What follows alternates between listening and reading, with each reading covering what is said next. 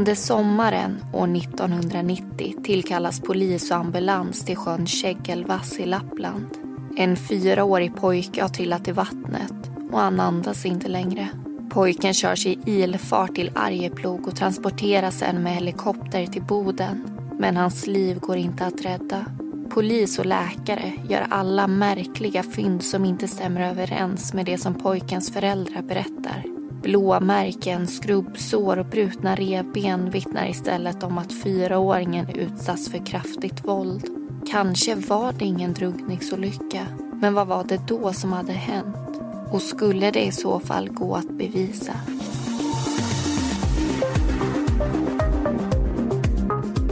Du lyssnar på Mordpodden och i säsong 3 tar vi upp fall från Lappland och Norrbotten.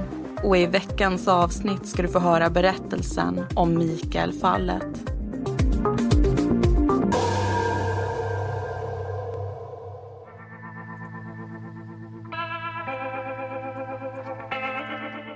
I juni 1990 färdas ett resesällskap från Vikmanshyttan i Dalarna till sjön Käggelvass i Lappland.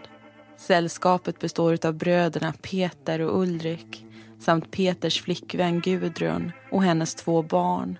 Peter är pappa till den yngre pojken, Lukas, som bara är ett par månader gammal. Men vem som är pappa till den fyraåriga sonen Mikael vill Gudrun inte säga. De slår upp sina tält vid Sadegava intill den blanka sjön som speglar det omkringliggande landskapet. Den steniga strandkanten, ett vindskydd och en eldstad. De tåliga tallarna som reser sig högt lite här och var och marken som är täckt med sten, ris och mossa.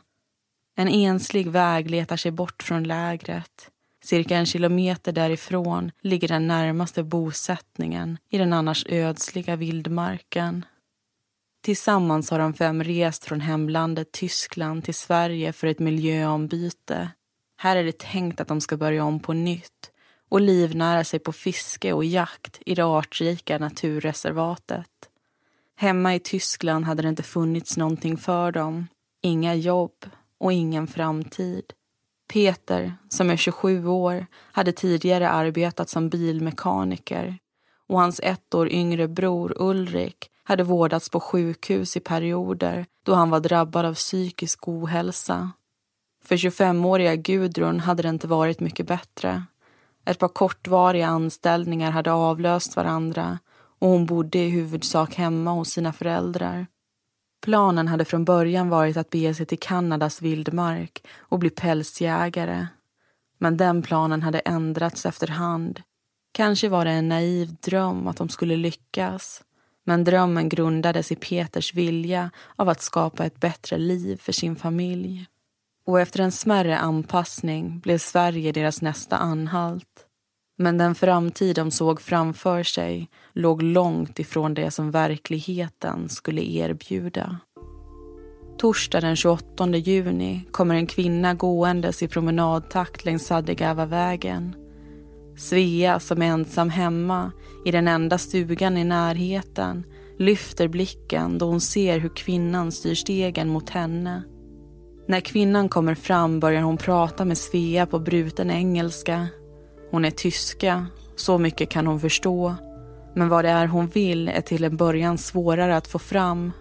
Svea kan dock förstå ordet koma och inser att kvinnan vill låna telefonen för att ringa efter en ambulans. Klockan halv två på torsdagen larmas Arjeplogs vårdcentral.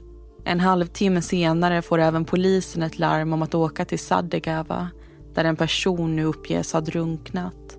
Polispatrullen befinner sig redan i närheten och anländer till platsen cirka tio minuter senare. Gudrun förklarar att hon ska vänta på ambulansen som ännu inte hunnit fram men pekar dem i riktningen mot tälten. Med skyndande steg går de cirka 500 meter genom terrängen för att nå till lägerplatsen och de två uppställda tälten. I det mindre tältet ser de plötsligt ett litet barn liggandes på marken och två män som står hukade över honom i ett försök att utföra hjärt och lungräddning. Poliserna informerar sig om att ambulansen är på väg samtidigt som Peter och Ulrik fortsätter med upplivningsförsöken. Peter berättar för poliserna vad som hänt. Hur Gudrun och Lukas hade legat och vilat i det stora tältet och Ulrik i det lilla. Och hur han själv hade suttit vid vindskyddet och druckit te när han hörde ett plask. Han visste att Mikael befann sig vid strandkanten och reste sig därför upp för att se vad som hade hänt. När han kom fram till vattnet såg han hur Mikael låg med huvudet ner under ytan. Han skyndade sig fram och plockade upp pojken ur sjön. Sen vände han pojken upp och ner och dunkade honom i ryggen i ett försök att få liv i honom. Försöket hade delvis lyckats och den fyraåriga pojken hostade och kräktes upp matrester. Men han kvicknade inte till mer än så. Därför hade styvpappan burit in den lilla pojken i Ulriks tält för att påbörja hjärt och lungräddningen. Ambulansen anländer till platsen cirka fem minuter efter poliserna och träffar där Gudrun. Hon går före i terrängen och visar dem vägen till tältet.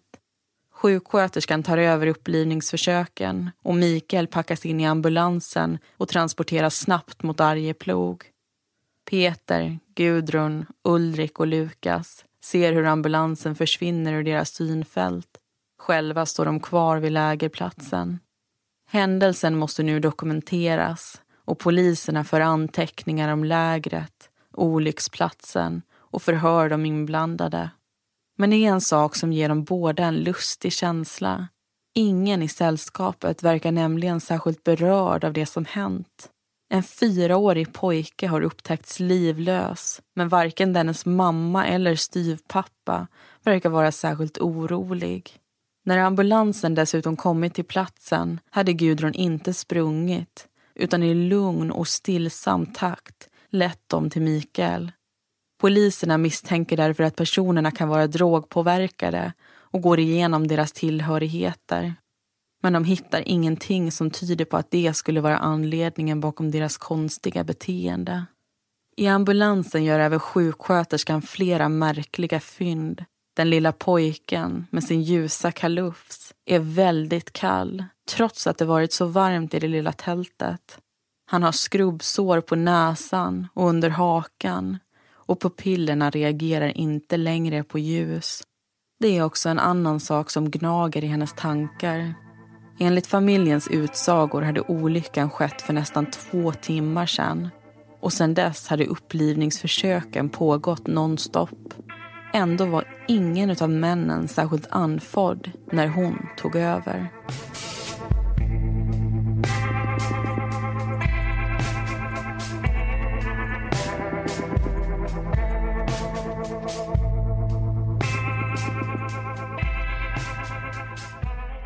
Hej Mordpodden-lyssnare och välkommen in i den första diskussionen för det här fallet. Jag heter Amanda Karlsson. Och jag heter Linnea Bolin. Och idag så ska vi diskutera ett fall som handlar om barn.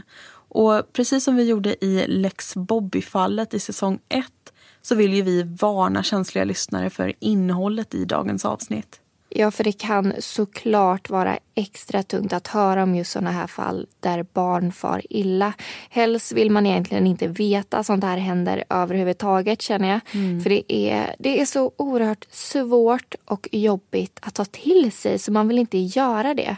Men samtidigt så tycker vi att det är viktigt att de här barnens berättelser också ska få höras även om det är tufft att lyssna på det. Mm. Det här var ju faktiskt också ett av de jobbigaste fallen som jag faktiskt har gått igenom hittills. Och jag kan inte ens säga exakt vad det beror på för jag har läst om värre händelser och jag har läst om värre händelser som har drabbat just barn. Men ibland är det någonting med ett specifikt fall som gör att det kryper sig in under huden och man blir liksom inte riktigt av med det. Nej, och det här tror jag gäller många för det har ju skrivits en hel del om det här fallet genom åren. Och det är ju många människor som har blivit väldigt berörda av Mikaels öde även långt, långt efter att det skedde. Ja, när det handlar om barn som far illa så brukar ju också socialen kallas in. Och Det kommer ju också att bli aktuellt i det här fallet, vilket vi kommer ta upp i nästa diskussion. Men innan vi kommer dit så tänkte vi att vi ska gå in lite närmare på hur det fungerar när en anmälan kommer in till socialen. Det här är en bra tanke tycker jag, för oftast blir vi väldigt arga när sådana här saker händer. Eller jag blir det i alla fall. Mm. Och jag känner att ja, men man vill gärna peka ut någon som man anser har gjort fel. Att det ska finnas ett rätt och ett fel. Det måste ju bero på någonting att det här har hänt. Och just i det här fallet så pekar det många mot just socialen. Men det är viktigt att samtidigt få veta hur situationen ser ut ifrån deras perspektiv.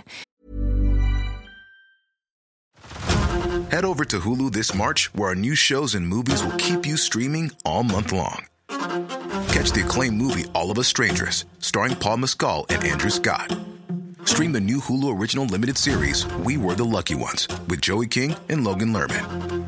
And don't forget about Grey's Anatomy. Every Grey's episode ever is now streaming on Hulu. So, what are you waiting for? Go stream something new on Hulu. Och när en orosanmälan kommer in till socialen så är deras första jobb att ta reda på om barnet behöver skyddas från någon eller något med en gång.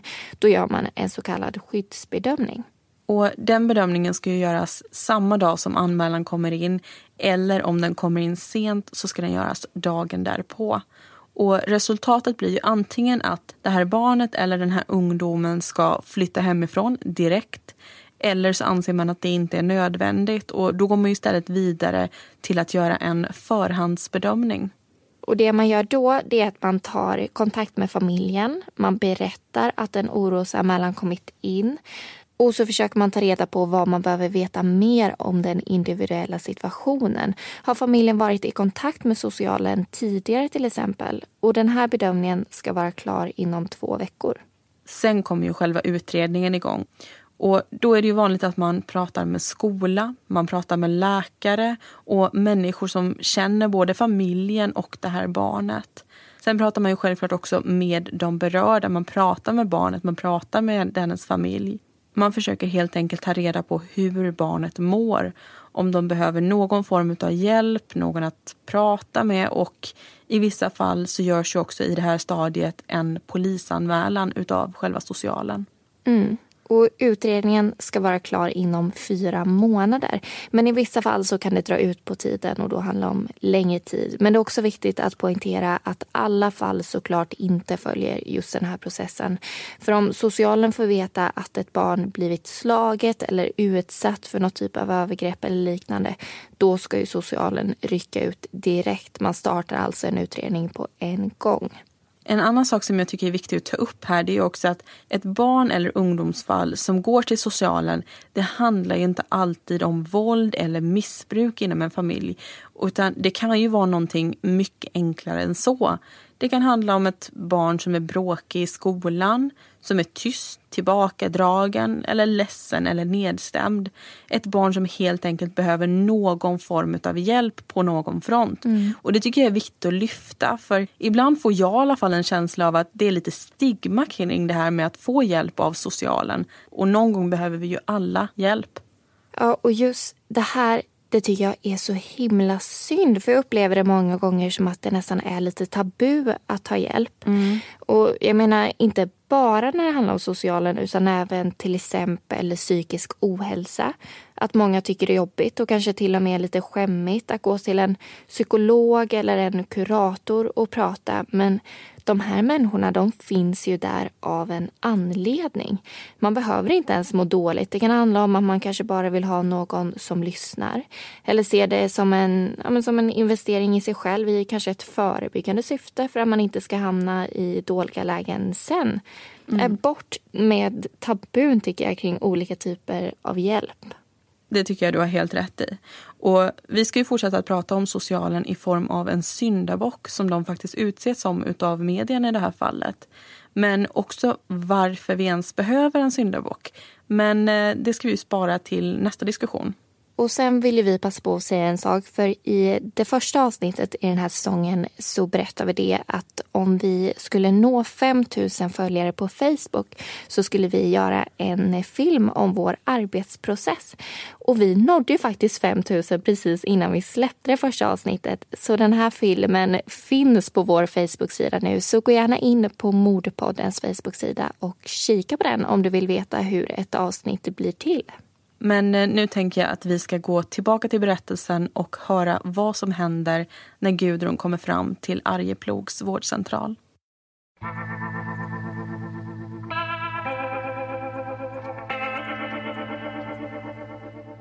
Gudrun och Lukas anländer till Arjeplogs vårdcentral i sällskap av polisen.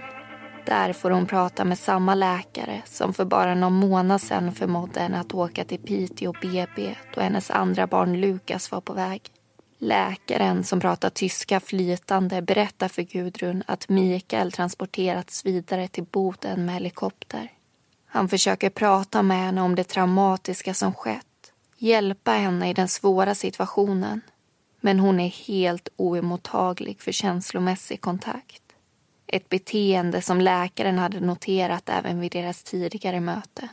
Efter en tid lämnar han henne med den övriga personalen och får istället kontakt med Mikaels läkare i Boden, doktor Jakobsson som i sin tur berättar att den fyraåriga pojken med största sannolikhet är hjärndöd.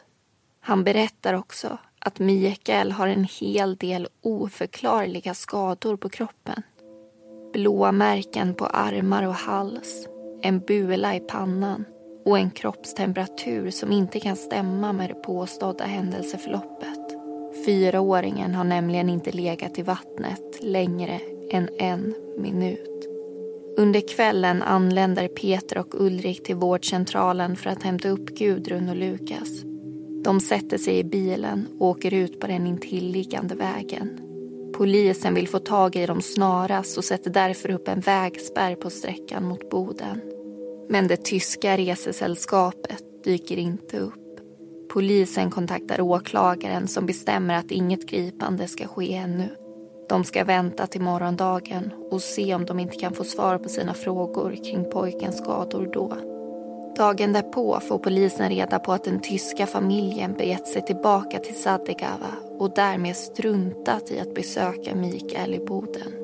Klockan tio i två samma dag dödförklaras den fyraåriga pojken och åklagaren beslutar om att anhålla Peter, Gudrun och Ulrik som skäligen misstänkta för vållande till annans död. Under måndagen genomförs en rättsmedicinsk obduktion i Umeå för att fastställa de många skadorna på den undernärda pojkens kropp. På ena handen syns ett ärr, på armarna blåmärken från någons fingrar. Hjärnhinneblödningar och hjärnsvullnad visar på tecken av det dödliga trubbiga våldet mot pojkens huvud. En blånad runt halsen om något som kramat åt och hundratals röda svullnader över hela kroppen visar sig vara myggbett. Den 3 juli är två personer från den tekniska roten i Sadigava för att utföra en platsundersökning. Området är avspärrat och de två tälten nedmonterade. Men det finns fortfarande spår som kan tala om vad som egentligen hänt där. Vegetationen är nedtrampad vid ett antal ställen och i mossan finner man riskorn i form av en uppkastning. Samtidigt pågår de första förhören med det nu häktade resesällskapet. Samtliga berättar samma historia som tidigare trots att obduktionsfynden nu pekar i en helt annan riktning. Under tisdagen märks ingen förändring i varken Peter eller Gudruns beteende. Men Ulrik har sjunkit ner i ett depressionstillstånd och verkar allt mer förvirrad. De ger honom en dag till för att överlägga och så plötsligt får de en öppning. Ulrik går med på att berätta för en av förhörsledarna vad som verkligen hände den dagen. Och med hans bekännelse vill inte längre Peter eller Gudrun vara tysta de heller. De tar det från början. I januari 1990 anländer de till Sverige med bil. Peter, en höggravid Gudrun och lilla Mikael. Ulrik är fortfarande kvar i Tyskland men väntas komma inom någon månad.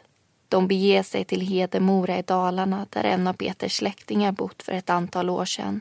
Peter minns hur han under ett besök hos släktingen blivit medbjuden till dennes väninna och det är dit de nu är på väg.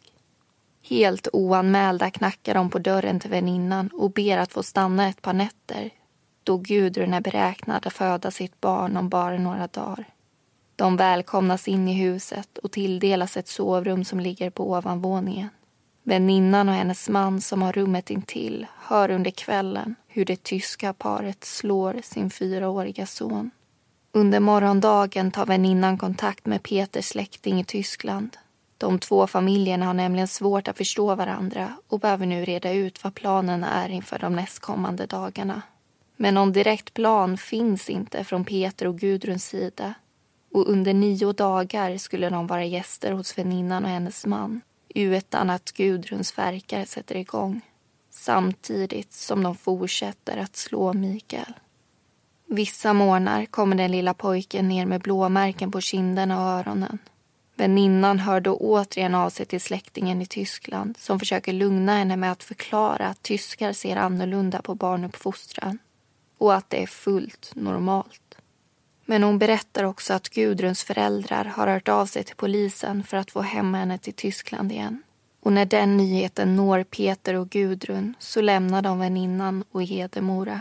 Men istället för att bege sig hemåt som de säger att de ska göra gör de precis tvärtom och åker längre norrut. De tar sig till en avlägsen renvaktarstuga i Arjeplog men en polispatrull hittar dem där och förmår dem snart att bege sig till vårdcentralen då den höggravida Gudrun ser ut att kunna föda sitt barn när som. På vårdcentralen får de kontakt med en läkare som pratar flytande tyska. De förmås ännu en gång att åka vidare, den här gången till Piteå BB. Och de gör som de blir tillsagda. Dagen efter kommer Lukas till världen och Mikael blir storebror. När Gudrun och Lukas skrivs ut från BB åker familjen tillbaka till Hedemora för att visa upp det lilla knytet för väninnan och hennes man.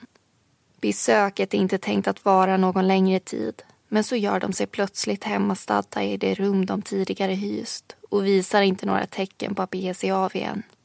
Väninnan vill inte att de ska stanna med tanke på hur de betedde sig sist och ordnar istället boende till dem i en tom stuga i Vikmanshyttan. Här ska de stanna till slutet av maj. Och det är också här som allting börjar spåra ur. Om Mikael kissar på sig eller inte vill äta det som ställs fram på bordet så ser Peter till att pojken blir uppläxad. Det sker alltid i både hans och Gudruns närvaro och vid flera tillfällen så är det också Gudrun som slår. Gör hon inte det så ser hon till att berätta för Peter hur Mikael har uppfört sig så att han kan sköta bestraffningen. Tillrättavisningar övergår allt fler gånger till misshandel och det går så pass långt att den fyraåriga lilla pojken med den blonda kalufsen inte kan vistas utomhus bland andra människor. Blåmärkena är nämligen så stora och så många att de inte längre går att dölja. Inte heller vågar man ta honom till en läkare då örfilar blir till knytnäveslag eller då ett plaströr träffar pojken så hårt på handen att en blåsa uppstår som sen blir till ett ärr. När Mikael matvägrar ytterligare en gång tvingas styvpappan i honom den varma maten innan han dras in i badrummet och huvudet trycks ner under vattenytan. I bakgrunden står Gudrun tyst, ovillig att ens öppna munnen för att avbryta sonens misshandel. Och när Mikael kissar på sig så låser styvpappan in honom i badrummet under en hel natt för att han ska lära sig var toaletten är. Det är också i Vikmanshyttan som Mikaels reben bryts två gånger om. Men bara någon vecka senare skulle det bli ännu värre och skadorna som då skulle förorsakas är inte sådana som läker med tiden.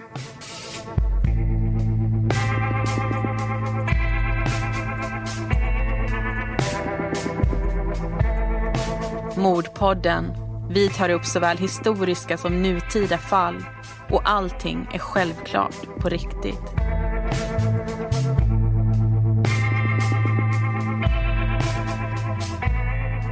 Där hörde ni andra delen av den här berättelsen och vi ska prata om syndabockar alldeles strax. Men jag tänkte att vi ska börja med att diskutera medierapporteringen och hur den kan bidra till att just syndabockar pekas ut. Ja, för ofta när hemska saker som ett mordfall sker så försöker vi direkt få svar på varför det har hänt. Och Jobbar man då inom journalistik som du och jag gör så är det ju inte ovanligt att efter den här första rapporteringen där man berättar vad det är som har hänt att man försöker följa upp det med att berätta just varför. Fanns det en historik om våld i deras relation? Hade personen psykiska problem eller var de missbrukare?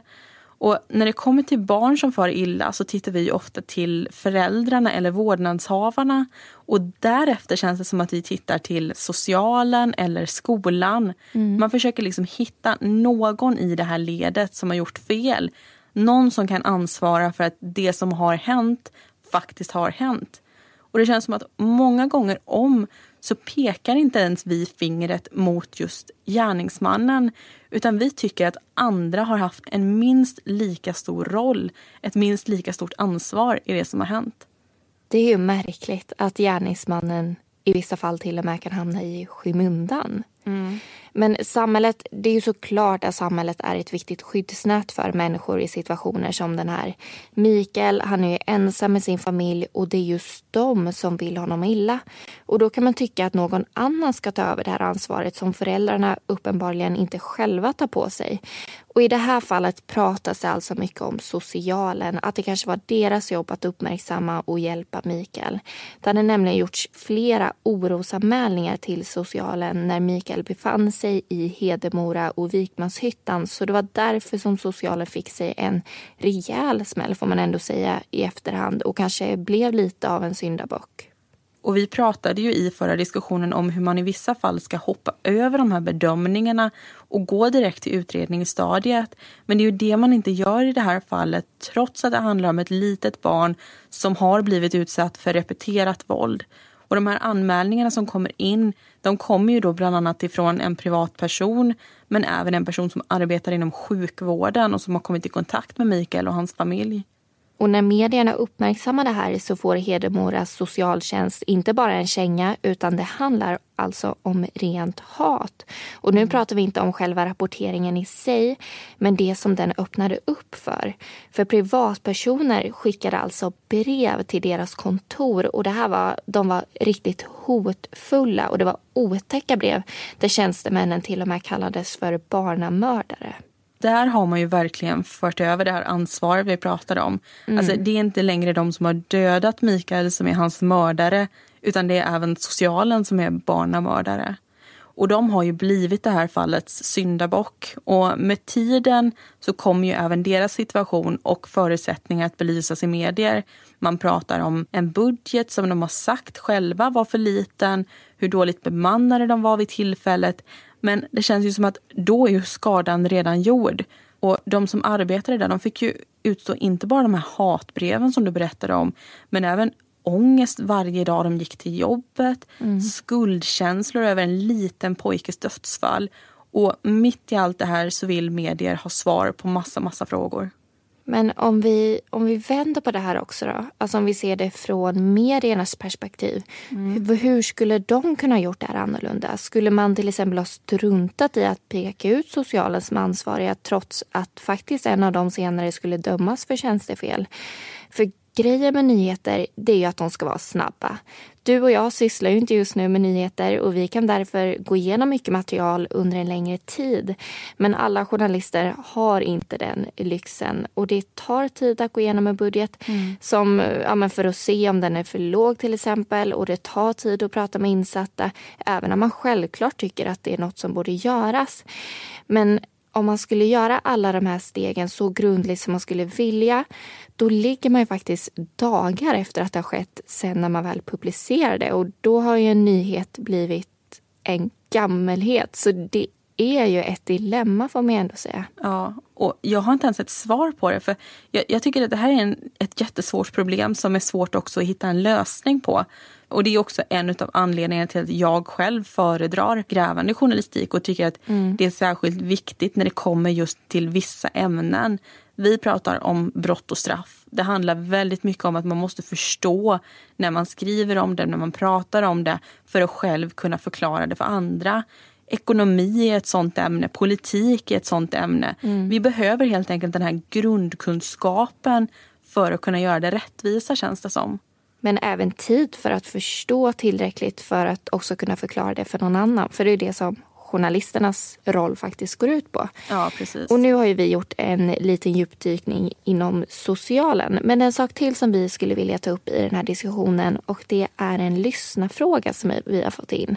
Det är både Emmy och Marie som vill veta om man kan födas till en mördare om man kan ha en bra barndom och ändå bli mördare. Alltså vad är det helt enkelt som spelar roll? Är det miljö eller är det arv? Det där är en riktigt, riktigt bra fråga och vi ska ju försöka svara på den så gott vi kan som är journalister. Och... Svår fråga. Ja, precis, men också jätte, jätteintressant. Ja, verkligen. Och jag tror ju i grund och botten att det beror på vilken typ av mördare vi pratar om.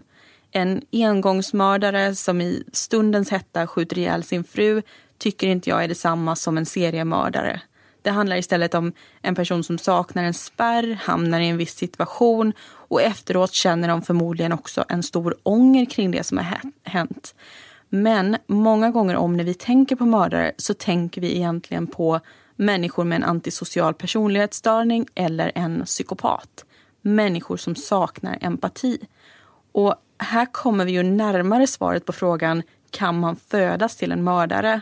Och vi vet ju genom studier att man kan födas med arvsanlag för att utveckla exempelvis psykopati. Men för att det ska utvecklas och inte bara ligga latent i kroppen så behöver man ju också en negativ miljöpåverkan. Och det är det här de frågar om, miljö eller arv. Det behövs alltså lite utav båda och. Men en våldsam läggning kan ju också åstadkommas genom huvudskador exempelvis. Och samtidigt får vi inte glömma att alla personer som är psykopater eller som har en antisocial personlighetsstörning, de blir inte mördare eller ens brottslingar. Så jag, jag tror inte att man föds ond, men jag tror att vi föds med väldigt olika förutsättningar och vissa av oss har inte samma möjligheter till att skapa ett bra liv som andra. Ja, det ligger nog mycket i det. Och sen, det finns ju såklart mördare som har haft en jättejobbig och svår uppväxt. Som till exempel killen i dubbelmordet på Hallandsåsen som vi tog upp i den förra säsongen. Mm. Men sen finns det självklart också många med en otrygg barndom i bagaget som får jättebra liv och blir fantastiska människor sen. Och sen har vi å andra sidan killen i avsnittet som vi tog upp förra veckan, styckmordet i Lycksele. Han verkar ha haft en helt normal uppväxt och ändå så styckmördar han en nära vän till sig. Ja. Jag tror helt enkelt att det är så många faktorer som spelar in för att en människa ska begå något sånt där. Så det går inte riktigt att dra generella slutsatser men det finns ju såklart många faktorer som spelar in. Och vi ska ju gå tillbaka till berättelsen alldeles strax. Men först så vill vi ju tipsa om en annan podd, nämligen Cancersnack. Och som ni förmodligen förstår så pratas det om cancer. En sjukdom som drabbar inte bara de som blir sjuka utan även berörda. Och I den här podden så vill Emma och Lotta tillsammans med lyssnare ha en ärlig och öppen diskussion kring allting som rör cancer. Och Ni hittar ju den podden i Radioplay-appen som vanligt. Men innan ni byter podd så har ju vi en del kvar utav det här fallet. Nämligen vad som egentligen hände med Mikael och hur det ska gå för hela familjen. Det tycker jag att vi lyssnar klart på.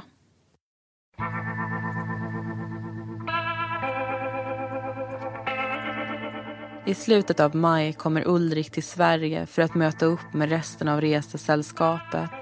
De bestämmer sig för att fortsätta resan norrut och byter stugan mot bil och motorcykel. Under färden uppåt i Sverige märker också Ulrik vid flera tillfällen hur illa Mikael behandlas av både Peter och Gudrun. Minsta lilla händelse kan leda till ett raseriutbrott från de båda. En salva försvinner, ett liggunderlag rivs sönder i kanten och Mikael kissar på sig ännu en gång. Knytnävsslag byts ut mot sparkar och det är tydligt att när det kommer till Mikael så har både Gudrun och Peter helt förlorat sin kontroll. I förhörsrummet sitter poliserna tysta och lyssnar till allting som sägs. De vet nu också vad som egentligen hände med Mikael den 2 juni i Sadegava. Men för att se till att allting dokumenteras på bästa möjliga sätt så vill de också ta upp Peter, Gudrun och Ulrik till lägerplatsen för en vallning. Det vill säga ett återskapande av det som hände den dagen där de misstänkta får gå runt och visa vad som hände var och hur de själva agerade. Den 10 juli åker Peter, Gudrun och Ulrik därför tillbaka till Sadegava i helikoptrar. Med sig har de sina advokater, förhörsledarna, tolk och rättsläkare. Tillsammans berättar och visar de tre personerna hur allting hade gått till och när det kombineras med vad som sagts i förhör så blir bilden av Mikaels dödsfall snart synlig. Bilen och motorcykeln lämnas ute vid vägen då familjen kommer fram till Sadegava. De går den sista biten till fots och reser sedan de två tälten vid lägerplatsen intill sjön. Ett till Ulrik och ett till Peter, Gudrun och pojkarna. Men det dröjer inte länge innan Gudrun blir irriterad på Mikael vid eldstaden och tar upp en käpp för att straffa honom. Slaget träffar, men irritationen vill inte släppa. Gudrun ger sig därför på Mikael ännu en gång den kvällen. Då han befinner sig vid strandkanten går hon fram till honom och riktar en spark. Ett bevis i form av ett skrubbsår på hans haka vittnar om händelsen. Den kvällen blåser det och det ena tältet flyttas därför en bit bort ifrån strandkanten och de stänkande vågorna. Av ännu en okänd anledning blir Gudrun arg på sin äldsta son igen och bestämmer sig nu för att binda fast honom vid ett träd. Hon ställer honom vid en av de tunnare tallarna och drar ett rep runt stammen och hans kropp. Efter en kortare stund släpper hon honom igen men han får inte gå in i något av tälten för att lägga sig. Under sennatten händer det igen. Gudruns kontroll brister och hon tar ut sin ilska på Mikael. Hon binder fast honom vid trästammen ännu en gång. Sen går hon därifrån. Blåsten är inte längre lika stark och myggorna letar sig därför snabbt fram till den försvarslösa pojken. När han skriker att han vill släppas loss löser Peter problemet genom att sätta en bit tejp över munnen och flytta repet från magen upp till halsen. Under flera timmar lämnas Mikael ensam bland myggen innan Peter återvänder med en tallrik mat. Han lossar på repen och sträcker fram en portion med päron och ris varav delar av riset är okokt. Pojken stoppar i sig maten till en början men häller sedan ut resterna på marken. När Peter ser vad Mikael har gjort blir han vansinnig. Han tvingar den fyraåriga pojken att äta upp resterna från marken. Ris, päron och mossa letar sig in i Mikaels mun när han gör som han blir tillsagd. Men det är inte nog för Peter. När han ser hur pojken försöker gömma undan delar av maten i mossan så släpper alla spärrar och han ger sig på honom med sparkar. Styvpappan och Mikael är nu nere vid den steniga strandkanten. Mikael blöder och är ledsen när Gudrun får syn på de två. Hon säger ingenting utan går bara ner till vattnet och tvättar ur nappflaskan. Sen vänder hon på klacken och går tillbaka in i tältet. Hon lägger undan nappflaskan och närmar sig strandkanten ännu en gång. När Peter får syn på henne riktar han en sista spark mot Mikael. Den träffar och den lealösa pojken ligger stilla i vattnet. Ändå ger sig inte Peter. Han plockar upp Mikael, säger att han hatar honom och kastar i honom igen. Men pojken rör sig inte. Slutligen tittar Peter upp på Gudrun och säger du fick som du ville innan han går därifrån. Klockan är runt tio på morgonen när det hela utspelar sig och det skulle dröja mer än tre timmar innan Gudrun skulle vandra bort mot stugan och tillkalla en ambulans. När åklagaren får den tjocka förundersökningen på sitt bord försöker han koncentrera sig på den fakta som kommer fram. I själva verket läser han inte så mycket av det som står utan fokuserar istället på det åtal han nu ska väcka och den rättegång som ska komma underfund med om händelserna går att styrka och i så fall vilka brottsrubriceringar som bör gälla. Handlar det verkligen om ett mord eller är det vållande till annans död? I utredningen framgår det att Peter och Gudrun inte riktigt pratade med varandra om Mikaels bestraffning och misshandel. Istället förde de en tyst kommunikation där de tolkade varandras agerande och passivitet. De var dock fullt medvetna om hur deras egna beteende sporrade den andras och åklagaren bestämmer sig därför för att testa medverkanansvar i fallet. Lyckas han med det så kan Gudrun dömas för samma handlingar som Peter om det kan styrkas att hennes beteende främjat eller bidragit till hans brottsliga handlingar. Strax innan rättegången drar igång så släpps Ulrik fri. Han är inte längre misstänkt för något brott men ska ändå komma att omhändertas. Hans psykiska hälsa har nämligen blivit avsevärt sämre de senaste veckorna och det kommer ta lång tid innan han mår bra nog för att återvända till Tyskland. I rättegången mot Peter och Gudrun så är medietrycket stort och det kommer press från hela landet. Alla vill berätta Mikaels historia, vad han tvingades utstå, varför ingen kunnat ingripa och slutligen spekulera i den oförståeliga frågan kring hur en mamma och styvpappa kunnat ta livet av ett barn.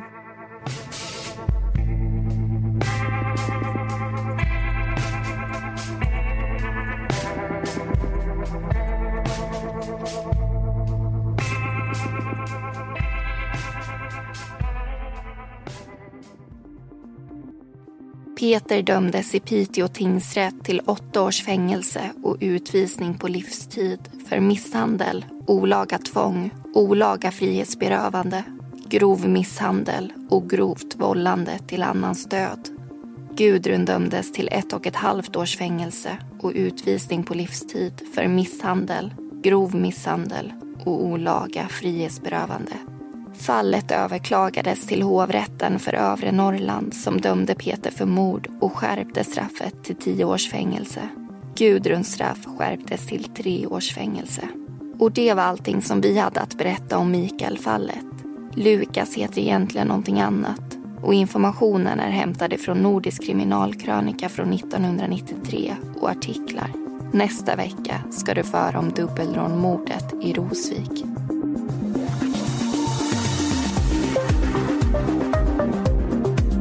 Du har lyssnat på Mordpodden och vi som har gjort den heter Linnea Bolin och Amanda Karlsson.